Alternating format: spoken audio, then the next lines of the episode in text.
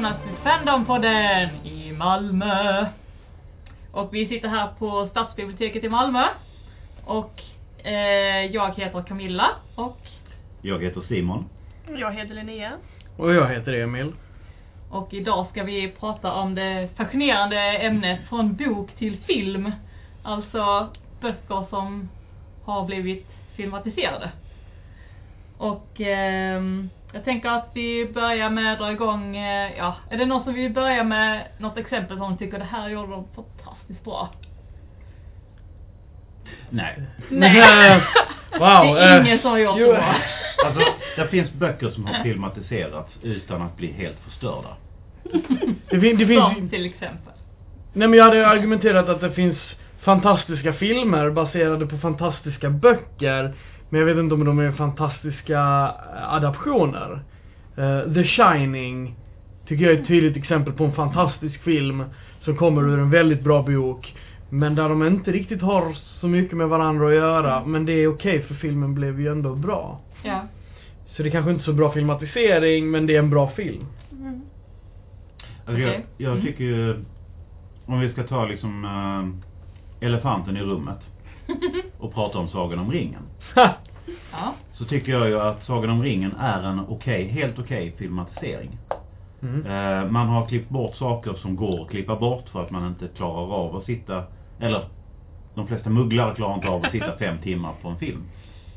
Eh, man har gjort förändringar i hur eh, Arven och Aragorn och deras förälskelse utvecklas som är ganska dramatiska. Men de är helt okej liksom. Man, eh, man har valt att föra in eh, tveksamhet i Aragorn som inte finns, men det är okej. Eh, och då har vi den raka motsatsen då i Hobbiten som jag Ja, har bara sett första. Mm. Ja. Jag har bara sett första och var inte intresserad av att se resten. Vilken suck.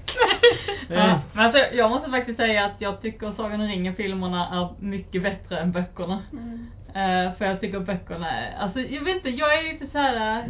jag är ju, jag kan inte riktigt stämma vad jag riktigt tycker om Tolkien. För jag tycker att jag, jag gillar det, jag är Tolkien-fan på något vis. Men samtidigt tycker jag de var rätt tråkiga att läsa. Alltså, det är så med filmerna, sjukt bra. Mm. Mycket nöjd med filmen. Mm. Jag, jag älskar ju verkligen eh, Tolkien. Alltså jag, i högstadiet så skummade jag ju igenom liksom allt det fanns. Och för mig betyder ju det liksom Silmarillion, eh, uh, förlorade Sagornas bok, eh, Unfinished Tales. Allting liksom över de här minsta stråna. Jag, jag har kommit till någon slags eh, för i början var jag också nej men Sagan ringer det är mycket detaljbeskrivning, det är mycket oh, det är mycket språk och sånt så har jag kommit till någon slags kärlek till den här känslan av att ha, han visste att han skrev så och ja, jag tycker om jag tycker om det. Alltså jag tycker om att han gjorde det valet för att det kulturarvet han har lämnat från sig hade nog kanske inte funnits på samma sätt om han inte hade gjort det. Mm. Så jag, jag har kommit till någon slags kärlek till hur han har valt att presentera sina böcker och sin värld. Det är ju så att det finns ju inget rätt eller fel sätt att berätta en historia. Alltså, man kan berätta en historia på Hemingways staccato. Man kan berätta en historia med eh, tolkienestiskt ordbajseri. Det viktiga är att man, är, man gör det bra, vilket sätt man än väljer. Och att Och- man och vad- vet varför man vill göra det på ett visst sätt. Ja.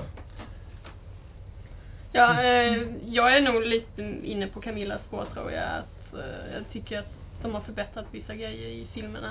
Ehm, alltså det är väl lite ofrånkomligt att det sker förändringar i adaptionen bok till film. För att det är liksom, man hoppar mellan två olika medier och man får liksom anpassa sig lite efter det. Eh, men vad gäller Sagan om ringen så då de klippte, de gjorde ju inte alls liksom Tom Bombadil och hela den grejen. Och det tyckte jag bara gjorde förbättring vad gäller liksom eh, ja, pacing, vad, vad ord Precis. på Ja, svenska? ja. Eh, Mm. Tempo. tempo precis Progression, i film. ja. Ja, hela den biten tyckte jag blir bättre av det Ja, men det valet. tycker jag också. Att, och just det här att de har berättat sakerna i, em, i den ordningen de sker mer istället för att bara nu följer vi bara Frodo och Sam. Eh, Mm. eh, och så, för att det blir väldigt konstigt berättande liksom. Eh, kan, Det funkar inte riktigt på film.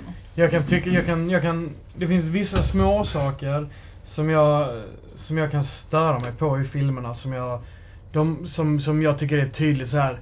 Där ser jag beviset på att Hobbiten skulle komma, på, på The Hobbit, att hur den skulle se ut sen. Till exempel det här Arwens fate is tied to the ring. Som jag tycker inte gör någonting för historien för vi vet att alverna kommer dö ut för att de blir svagare.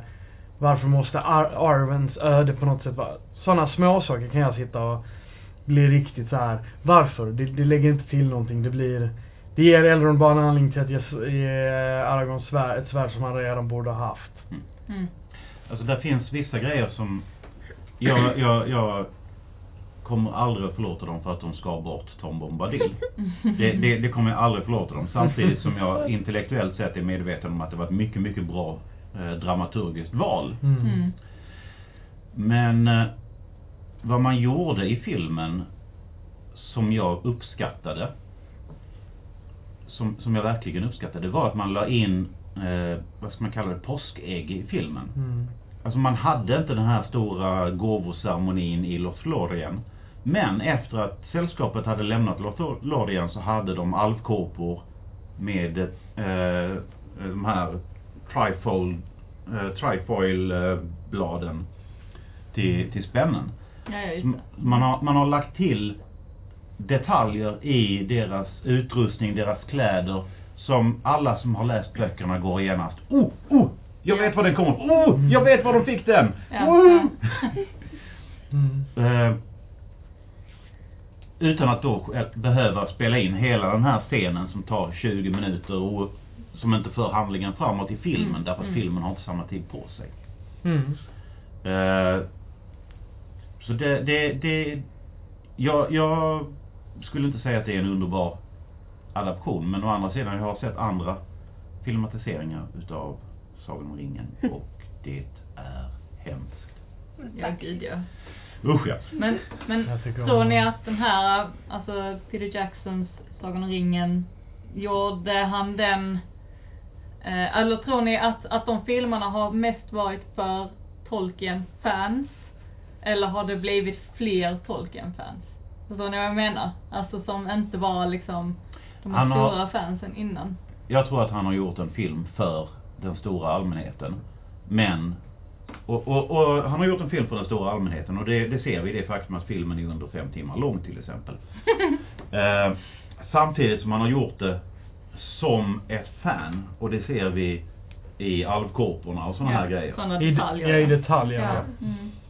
Så jag, jag tycker det Ja, är i en, i, i den filmen är det en väldigt bra balans. Mm. Ja precis, den är, den, är, den är gjord för både nya och gamla fans så att säga. Precis. Mm. Mm.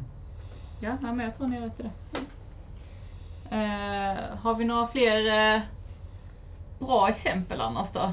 Vi har ju Game of Thrones som är ju helt underbar. Eh, Jag har ju inte läst böckerna så jag kan inte Nej, jämföra inte där. jag Men, heller. men fortsätt du. Nej men alltså Game Ja. of Thrones är ju en filmatisering utav en bokserie. Jag- Det är många eh, tv-serietittare som inte har märkt det. Men eh, man har gjort en väldigt, väldigt, väldigt, väldigt bra översättning utav böckerna till filmen. Eh, I mina ögon.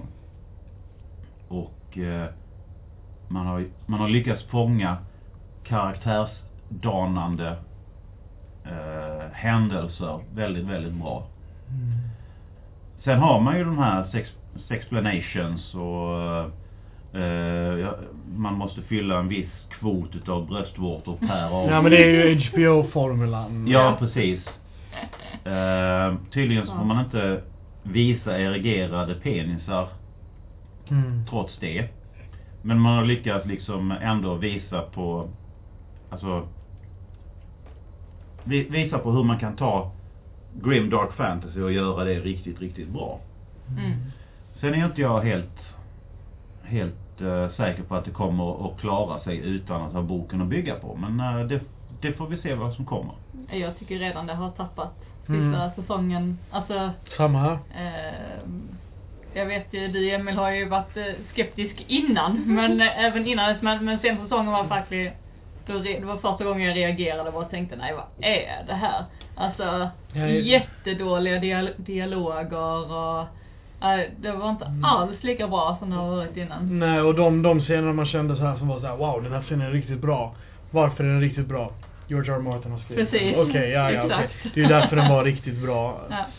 Men... ehm, vad tänkte jag på?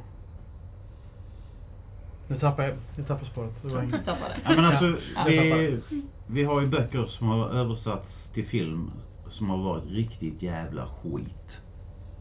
Och jag, jag är ju en sån läsare och tittare som uppskattar när, när, det, när det finns innehåll i, i mediet. Eh, Vad- Vad menar du då? Nej men det finns ju vissa grejer som man bara läser eller tittar på för att det är liksom snygg grafik. Ah, ja, Pang, ja. pang, stora explosioner. Mm. Swoosh. Men eh, när det finns en sensmoral i boken som sen blir mo- exakt motsatt i filmen. Eh, då skär det i, i djupet av min boksjäl. Eh, det absolut mest horribla och vidriga och, och helt oförlåtliga exemplet på det här är ju eh, I, Robot. Mhm. Ja, ja, ja. Mm. Eh, Isaac Asimov skriver en massa robotnoveller, de hamnar i böcker, samlas till iRobot och så vidare, och så vidare. The rest of the robots. Eh, en utav liksom, idéerna bakom hur han valde att lägga upp sina robotar var ju det att han funderade över det här Frankensteins komplexet som vi verkar ha när det gäller robotar. Att, eh, att det skulle vara på något sätt dåligt att skapa robotar. Att det skulle på något sätt eh, magiskt göra att vi sätter oss upp mot Gud och kommer att straffas. Vilket inte riktigt passar in i science fiction. Så han tänkte ju då liksom, ja men om vi ska skapa robotar så kommer, vi, så kommer de att skapas som ett verktyg. Ett verktyg kommer att ha säkerhetsfunktioner inbyggda. Och då hittar han på då eh, robotpsykologi och de tre robotlagarna och alla de här grejerna som vi känner och älskar från Asimovs robotar som sen har liksom färgat stora delar utav genren. Och en utav grundtankarna som genomsyrar det här är ju dels att robotar är i, i den mån de går att förmänskliga så är de goda. De gör sitt bästa för att följa lagarna. De gör sitt bästa för att rädda mänskligheten och människorna. Därför att den första lagen är, säger ju att du får aldrig tillåta att en människa skadas. Varken genom handling eller att underlåta att handla. Och eh, de följer instruktioner och de försöker endast i tredje hand överleva själv. Och någonstans i utvecklingen av novellerna så, säger, så, så kommer det ju fram till och med ganska tydligt att en, rob, en robot, en väl avancerad robot som ser ut som en människa är helt omöjlig att separera från en god människa. Mm. Kom, det blir helt omöjligt att se skillnaden mellan en väl konstruerad robot och en god människa. Och det är liksom där någonstans sens moralen finns liksom. Vi bygger eh, robotar som en del utav att utvecklas som människor för att utvecklas som samhälle. Vi gör, det, det är framgångsoptimism, det är teknikoptimism, det är, det är en väldig, väldig optimism, värme och människokärlek i robotarna som Asimov skriver om. Jag, Robot är en actionfilm, vilket är bara helt fel. Den innehåller Will Smith, vilket man kan ha åsikter om. Men det absolut värsta är att man har, man har vänt hela sensmoralen upp och ner. Robotarna är onda och den enda liksom vägen ur det är att de inte ska ha de här säkerhetsföreskrifterna, de här tre robotlagarna. Ja. Alltså, man har, man har tagit Jag Robot och sen så malt ner det, matat det skadade liket med de här religiösa föreställningarna från Frankensteins komplexet. Sen har man skitit ut det på film. Och det är, det är inte okej. Men jag kan också, på tal om det här med som går emot själen av bokse eller bo, boken. Det är ju en stor, en stor anledning till varför Game of Thrones och varför jag haft en på senare år lite mer negativ syn är för att jag tycker de gör just det. De har en väldigt tydlig Hein, i tv-serien så har de en väldigt tydlig Heinlein struktur att våld är det yttersta maktredskapet. Och i Game of Thrones-böckerna, framförallt när de börjar med Feast of Crows, så, så visar de en, en lite mer, att det är lite mer, alltså, eh, inte så polariserat som det verkar, utan att det finns mycket andra sätt med makt som till och med kan dominera våldet. Som visar upp, så det visar upp någon slags annan själ av den här världen och tv-serien totalt skiter i det. De hänger den personen och de dödar det här och som i, som i böckerna har väldigt så här stor kraft. Men, men tv-serien kör på att våld är makten och bokserien vill ju på något sätt visa att så är det ju inte riktigt. Mm. Och det, det, är som, det är som Tolkien har ju väldigt tydligt budskap om att han är väldigt mot våld som den ultimata makten. Och den lilla hobbiten kan Ja. göra stor skillnad. Exakt. Eh, jag vet ju inte hur de kommer att hantera det i Game of Thrones sista, se- eh, sista säsong. Mm. Men jag tycker ju att de två grejerna som är kärnan i Game of Thrones och vad som gör det riktigt bra när vi pratar sensmoral. Så är det ju det att alla karaktärer i Game of Thrones är inneboende goda. Och det tappar vi väldigt mycket med Cersei i den senaste säsongen. Mm. Alltså varför bränner hon ner Spoilervarning. Spoilervarningar. Eh, varför gör Cersei som hon gör? Ja, i tv-serien så verkar det som att hon har gått och blivit ond. Jag tror inte det kommer att framstå likadant i boken. Och sen så det här, det finns tre olika sätt att regera. Eh, det är Varys gåta. Mm. Var ligger makten? Pengar, familj eller svärdet? Mm. Och, ja, och Thrones har någon slags Machiavellian-esk känsla över sig, vilket är lite, ja. Ja, det, hela den här känslan att varje gång du har hittat en lösning så kommer George R. R. Martin och säger Ha! Så enkelt är det inte. För George R. jag tycker, det är ju det som är grejen, jag tycker George R. R. Martin gör det bra, men serien gör det mindre bra. Precis. Ja.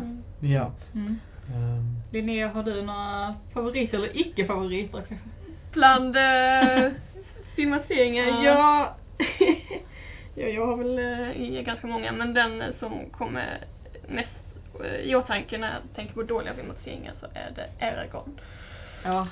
Nu vill jag, jag tycker kanske inte boken är fantastiskt bra heller, men filmen är verkligen katastrof. Vad menar du? Jag tycker om Star Wars jättemycket.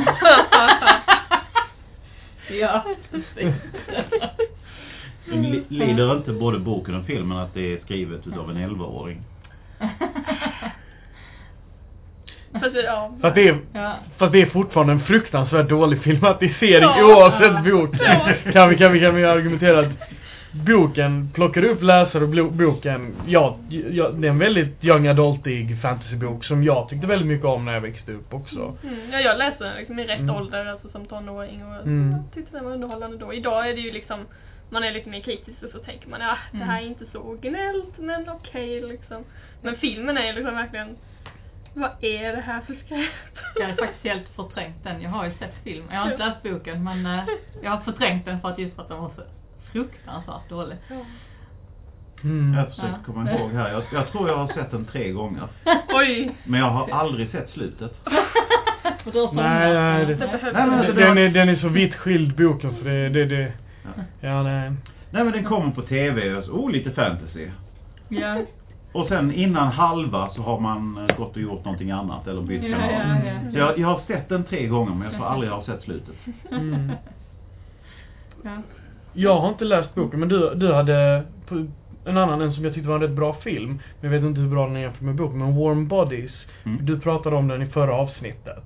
Ja. Eh, att, du, att du har ju läst den. Jag har inte läst den. Du har inte läst den? Nej. Nej, okej.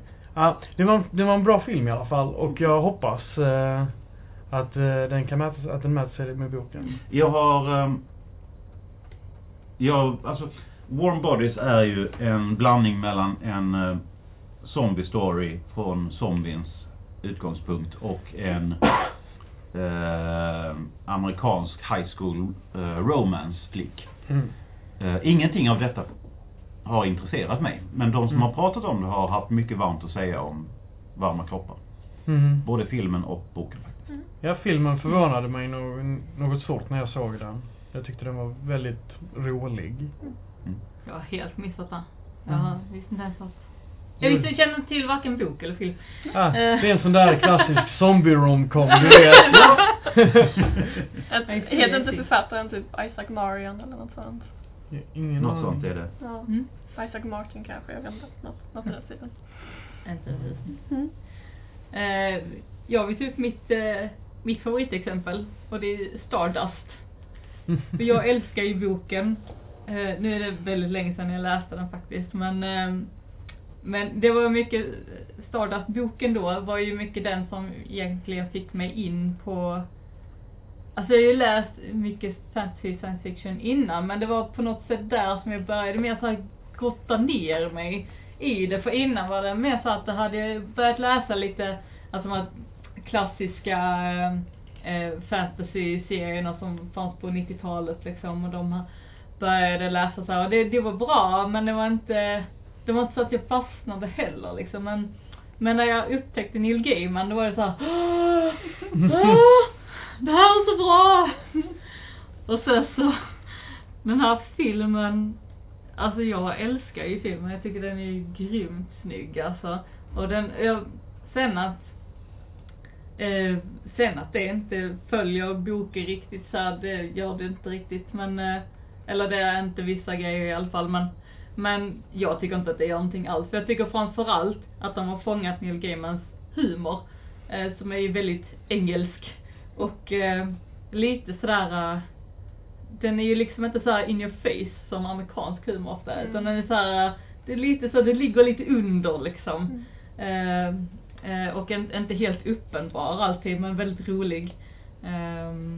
Och det tycker jag var fantastiskt. Väldigt bra rollbesättning i, i filmen också. Jag är lite nyfiken, för jag har sett filmen men jag har inte läst boken. Så jag är Nej. lite nyfiken på vilka typer av förändringar de har gjort i adaptionen. Eh, ja, som sagt nu var det ett tag sedan jag läste den men jag minns ju till exempel i det här hela hans resa till ehm, att hitta stjärnan Mm. är ju mycket, mycket längre. Eh, det är inte det här att han åker på ett kick, för det gör han ju i filmen, så Mm. tjopp och så är han där. Utan eh, det är en ganska lång historia fram till han kommer dit. Och, ehm, och sen så också när han kommer tillbaka till, eh, spoilervarning, eh, när han kommer tillbaka till, ehm, till byn liksom, eller där han bor då, eller uppväxt. Så då, för i filmen tror jag det bara gått typ en vecka eller något sånt där. Men i, i boken har det gått ett år eller något sånt där, eller det är mer till och med, jag minns inte, men det har gått mycket längre tid. Liksom. Ehm, vilket har en, en liten annan påverkan på slutet kan man säga. Mm. Eh, så, eh, ja, men det är lite såna, ja, det är andra grejer också. Men, eh, Jag gillade ju filmen väldigt mycket. Mm. Eh, jag gillar inte boken lika mycket. nej. Så jag skulle säga det är, det är en mycket framgångsrik Mm. översättning. ja men det är det verkligen. Jag gillade ju Gaiman redan innan jag läste Stardust, så jag blev Mm. lite besviken. Ja. Eh, vad han försöker göra är ju att berätta en ganska klassisk saga. ja. Och hans tidigare böcker har varit väldigt långt ifrån klassiska sagor. Men det var ju det Så- första steget han gjorde från det han gjorde innan kan man Precis. säga. Ja. Så jag, alltså, jag... Anledningen till att jag blev besviken var för att eh, Det var inte som det du... han, han, han gjorde någonting annat än det jag ville ha. Och det, Ja. det kan man inte skylla författaren för. För han Nej. gjorde det han gjorde väldigt bra. Och det tror där är också skillnaden i och med att det var den jag började med att läsa. Men, jo, jag hade läst Goda Omen innan men det är liksom någonting helt annat. Så Nej, man det är någonting annat. Det är- Det kan man inte jämföra med. Eh, men, eh, och då hade jag inte riktigt tänkt på, för då kände jag till Terry Pratchett men inte Neil Gaiman. Eh, så att eh, det var ju någonting annat. Men sen, ja, med åren så har jag ju läst mig bakåt liksom. Alltså, då har jag ju läst massa annat av Neil Gaiman så det är lite annat. För mig är väl, om vi nu ska prata på exempel där man tycker att filmatiseringen är bättre än boken, så Mm. mitt exempel eh, för det så är det Hunger Games. Mm. Ehm, jag läste böckerna, jag var inte särskilt imponerad. Ehm, Jag är inte särskilt imponerad av första filmen heller för den delen, men de andra tre filmerna tycker jag faktiskt eh, liksom ganska bra om. Eh, Ja. Inget sådär jag skulle säga att det är min favoritfilm, men eh, jag tycker de är sevärda ändå. Ja. Medan böckerna, ja, de är ganska tråkiga. Jaså? Ja, jag tycker det i alla fall. Det var värst. Ja. Jag har inte läst dem så jag har bara sett filmerna och jag tycker de är asbra. Ja. Jag, jag läste ju första, eh, The Hunger Games, och jag gillade den. Och sen så läste jag tvåan och trean. Och eftersom att jag då hade bloggat om den första boken och, och sagt att den var bra så var jag tvungen då i, i rent konsumenthänseende att eh, skriva om tvåan och trean och berätta att det finns ingen som helst anledning att läsa dem.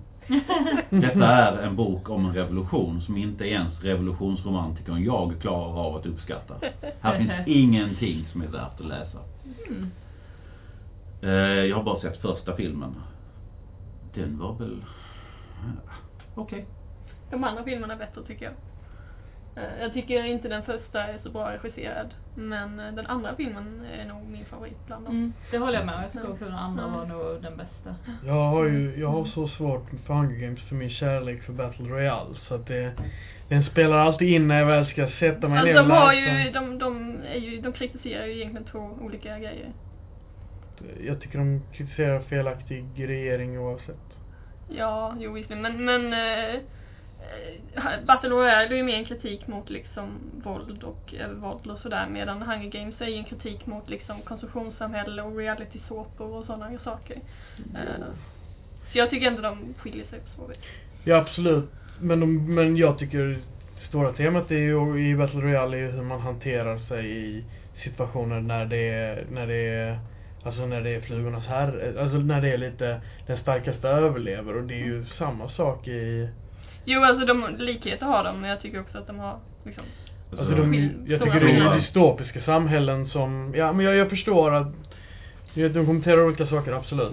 Och det stora problemet egentligen om man, om man nu ska titta på eh, The Hunger Games är ju att eh, The Hunger Games, precis som så mycket annat utav amerikansk kultur, hyllar eh, lantbruksbor, hillbillies, eh, gruvarbetardöttrar och eh, demoniserar städer, kultur och eh, Mm.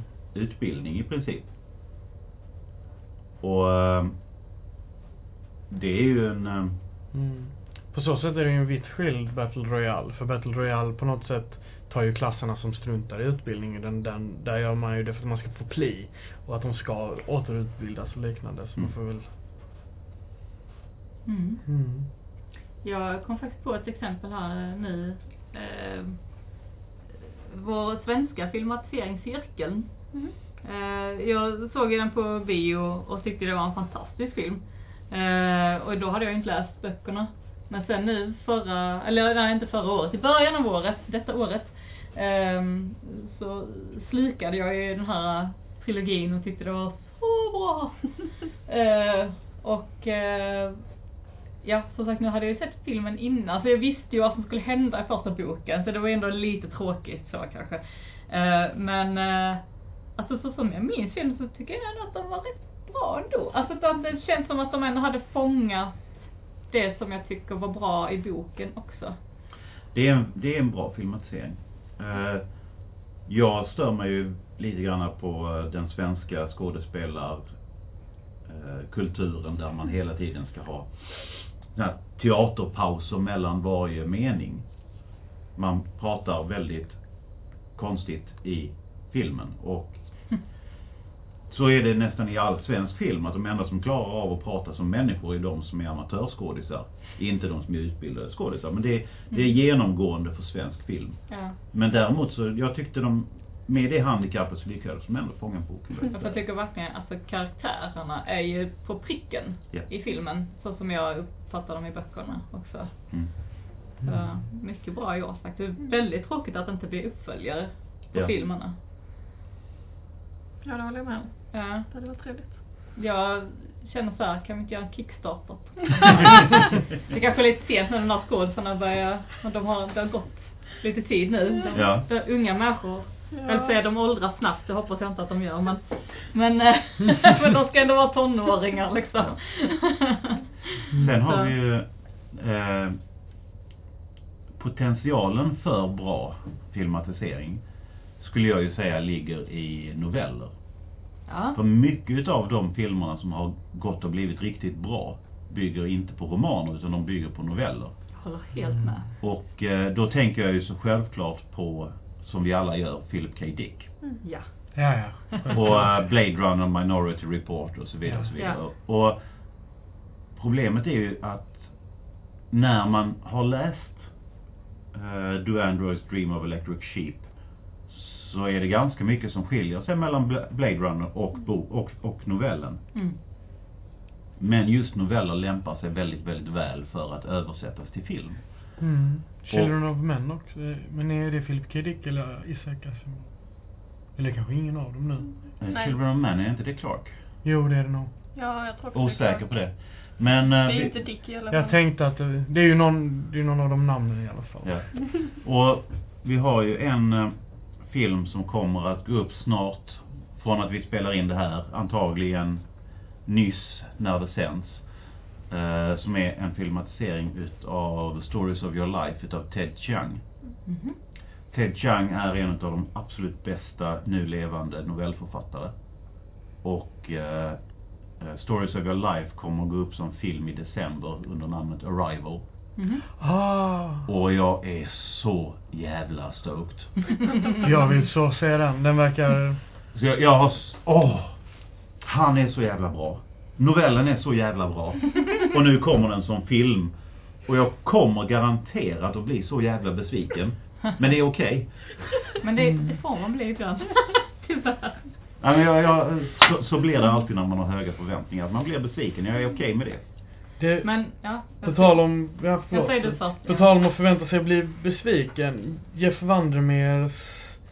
Och vad heter boken? Annihilation. Mm. Ska ju också filmatiseras till... Ja, till film. Mm. Ja. Av samma regissör som gjorde X-Makerna. Det däremot, det gör ju... Jag tycker X-Makerna är väldigt bra. Eh, Så där, där, där kan jag tänka mig att det blir bra men det finns ju för, det finns ju någon så här skräck att den kan ju, det kan ju inte kanske bli Alltså hur ska man få lite som weird fiction till att bli, Hur ska man filma det tornet? ja. Ja, precis. Nej, det kommer bli häftigt att se i alla fall. Ja. Så, men, men man, det finns ju öppning för att man kan bli besviken med tanke på att Ja, jag Vi- tror... Vi, vi försöker att inte spoila filmer som Ja, är på väg ja. att komma. Jag tror att Annihilation är... Den är svår att göra just för att så mycket av det liksom, det mystiska och och det magiska ligger i just ordspråket i boken. Mm. Eh, men däremot om man liksom kan lyckas översätta det väldigt bra till det visuella så kan den bli väldigt, väldigt vacker film. Och Mm. väldigt liksom, eh, ja, Ja. Jag, jag har alla fall stort förtroende för hans, alltså för, för filmskaparens känsla för, fi, alltså för det vackra i film. För X-Machina är en otroligt enkel men snygg science fiction film liksom. Det är ju Tempest av Shakespeare. Så här, väldigt gammal historia men väldigt snyggt med att göra det med en AI. Det är ju, mm. Mm. Jag skulle bara säga det också angående noveller. Att jag tror också anledningen till varför att noveller är bra att filmatisera är ju ofta att de, de, de öppnar upp för mer tolkning. Eh, för att eh, ofta noveller i, med, i sitt korta format kan inte förklara allt. Eh, så därför kan det vara väldigt kul att ta då idén ur den här novellen då och göra någonting coolt av det. Så jag tror också mycket på det. Mm. Att, eh, för det finns så fruktansvärt många bra eh, noveller som, som jag ofta när jag läser dem tänker oh, det här hade varit så fräckt att se som film. Jag, jag tror att det är mycket, mycket lättare att göra det bra när man tar någonting litet och Mm. blåser upp det på den Ja. stora Mm, skärmen. mm. Än när man tar någonting stort och Och försöker mala sönder, Ja. trycka ner det. Jag, ty- jag, jag, Mm. jag har nog tyckt att den bästa övergången är böcker till tv-serier. Det är väl där Ja. man har gett utrymme att, att andas. Jag tycker, eller grafiska romaner till exempel. Walking Dead har ju fått en väldigt bra tv-serie counterpart som möter den Mm. väldigt, på ett väldigt bra sätt tycker jag. Eh, Alltså jag tror att det är, när man har tv-serier så låter man dem andas. Eh, vi, Ja, men man får en karaktärsutveckling som är lite mer lik den Mm. man ser i romaner kanske. Ja. För att det hinner du inte riktigt få i en film samma vis. Nej. Men jag, jag är lite nyfiken på vad ni tycker. Alltså, jag håller ju med om att noveller passar sig väldigt bra för att göra till film. Just som Sino säger, att man tar något litet och liksom gör det lite större. Eller kan göra det lite större. Mm. Men hur mycket får man liksom utöka det där för att det faktiskt ska bli... Alltså jag tänker till exempel då How to Train Your Dragon. Som jag tycker den filmen är jättebra. Men Mm. ursprungsboken är ju egentligen väldigt, väldigt annorlunda. Mm. Jag tror det handlar om, eh, om själen. Mm. Ja. Ja. Om du lyckas fånga novellens själ så kan du gå väldigt, väldigt långt. Om du däremot går emot grundtanken, sensmoralen, då, då kan du ta en, eh, en hur bra novell som helst och göra skit. Mm. Jag, jag hade också sagt att man... I, man Robot. jag hade sagt att man kan nästan dra det hur långt som helst. Alltså, Ja. om, så länge det finns det här lilla... Jag tycker absolut, men det finns ju en gräns där det blir en filmatisering och en reimagining eller en inspirerad av eller liknande eller historieelement. Men jag tycker att så länge man drar det och så länge man är liksom ärlig på något sätt mot det man har tagit ifrån och försöker hålla sitt verk någorlunda högt i jämförelse med att Men respektfullt. Ja, då Mm. tycker jag att man kan nästan dra det hur långt som helst. Ja, jag håller Och, med. och How to Train Your Dragon är ju ett exempel på att de drar det nästan hur långt som helst Mm. ifrån originalet. Både ettan och tvåan är helt fantastiska filmer. Så. Mm. Ehm. Eh, jag bara tänkte avsluta lite, vi pratar lite om Walking Dead här nu. Men eh, vad är den stora skillnaden med att filmatisera eh, serietidningar? För det, nu ser vi ju jädrans massa mängd såklart Marvel-filmer. Men jag tänker att där har man ju redan alltså någonting som är visuellt. Eh, men hur liksom, vad, vad är annars den största skillnaden, tycker ni? Just vad gäller Marvel så tror jag väl jag, jag vet inte om det är den största skillnaden, men jag tror den största svårigheten just att göra filmer av dem är väl att Marvel-universat är så himla, himla stort. Mm. Och det, liksom, det har ju varit lite reboots och sånt där också. Jag har ju, jag läser väldigt lite Marvel just för att jag tycker det är svårt att ta mig in i det. Och man liksom, serierna hänger ihop och man vet Ja. inte riktigt var man ska börja och sådär. Då får man läsa allt. Ja precis, då får man läsa precis allt. Medan alltså filmerna på så vis är ju bra för att de är liksom lite sin egen Ja. eh, entitet liksom. Ehm, så, ja jag vet inte. Det. Men som du säger, det är ju visuella eh, medier bägge två så att det är ju, ja. Jag Ja. tänker ju så här att du kan ju välja vilken storyline som du vill använda utav den här sjön.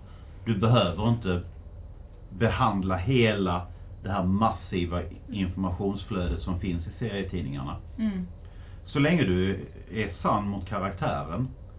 Eh, du kan inte göra en Spindelmannen-film där Peter Parker är rikemansson eller rik. Mm. Det funkar inte. Nej. Men annars så kan du göra väldigt mycket. Ja. Och eh, eftersom att jag inte är en serietidningsnörd. Eh, full respekt för de som är det, men eftersom jag inte är det. Så bryr jag mig inte mer än att eh, en bra film är en bra film. Mm, mm. Så länge man då inte har gjort några grava övergrepp på, på originalet. Ja. Jag, jag tror att det är lite som en novell. Eh, Eller alltså, i alla fall vissa serietidningar att du har ju vissa grafiska romaner som de har nästan filmatiserat bild för bild, som Watchmen och då kan man ju argumentera hur mycket det funkar och sen så har man vissa som, som är lite mer inspirerade av och så. Men jag tror att det funkar lite på samma sätt att du kan ta en grej som, som Daredevil TV-serien som, som tog Frank Millers eh, The Man in Black tror jag den heter. Den, det är för en av Daredevils. Och sen så, sen så bara tänkte, expanderade de tanken på det liksom. Och sen så fick de det till sin grej. Så jag tror att där kan man göra det lite, där är det, där är det som att du har både det här lilla och det stora samtidigt. Ja. Och där kan du lite så här. eh, För att fansen har inte en, en kanon som är den här, det är det här kanonen. De har väl, de har väl vissa saker som du inte får rubba. Typ att, Mm. men Uncle Ben är död. Mm. Det får du inte ta på. Men, Men annars så är ju kanonen har ju i, i serietidningar är ju väldigt omslängda och Mm. Men hans faster kan vara hur ung som helst. jag ja, i alla fall nu. Men det är lite mer tillåtande så att säga Mm. med, med serietidningar än vad det är med böcker. För jag tror att böcker också är mycket så här att folk håller dem väldigt kära. Mm. Än vad man gör med serietidningar. Fast det gör ju Ja. säkert många med serietidningar. För att jag, men om, om vi tar just superhjälte, Mm. eh, superhjälte. Jag tror att grafiska romaner, om någon hade gjort Sandman och fått Sandman fel. Ja, det, Ja. Nej, det hade ju inte Oh. gått. Det hade Nej, inte nej, gått. nej, nej. Det, det, Det är ju vill där, vi inte se. det är därför eh, Joseph Gordon-Levitt verkligen verkar, verkar ta den med så här väldigt Ja. Men han, han har ju bevisat att han är en duktig filmskapare. Men, men jag tror till exempel att alltså just superhjältar har ju en annan, en, alltså en annan, det finns ju inte den här bokserien som har tio, tio böcker om samma historia. Nej. På samma sätt som serietidningar har tio, Nej. alltså, Men det ska vara Dresden Files. ja, jo. Ja. Och den tv-serien blev ju också riktigt, riktigt dålig. Jag har inte sett, jag har Nej, precis jag börjat har- läsa Dresden Files. Så, Ja, jag, okej. så jag tycker det är väldigt, inte, jag tycker det är väldigt intressant för jag tycker om noir och jag tycker om det Mm. där. Men, eh, jo kanske. Det, det är Dresden Files liksom som är, Är det någon av er som har läst förlagen, just angående grafiska romaner, förlagen till Edge of Tomorrow? Nej. Nej. Nej, okej. För jag, jag gillar ju den filmen och jag är väldigt Mm. nyfiken på uh, Nej, Den hade nej den hade jag velat läsa också. Ja. All You Need Is Kill. Okej, men vi får eh, wrap it up här nu, tror jag. Eh, jag tror vi hade kunnat diskutera det här ganska länge till faktiskt. Ja. Det är ett väldigt roligt ämne. Men eh, jag tror vi får tacka för oss den här gången. Och eh, ja, vi ses igen snart.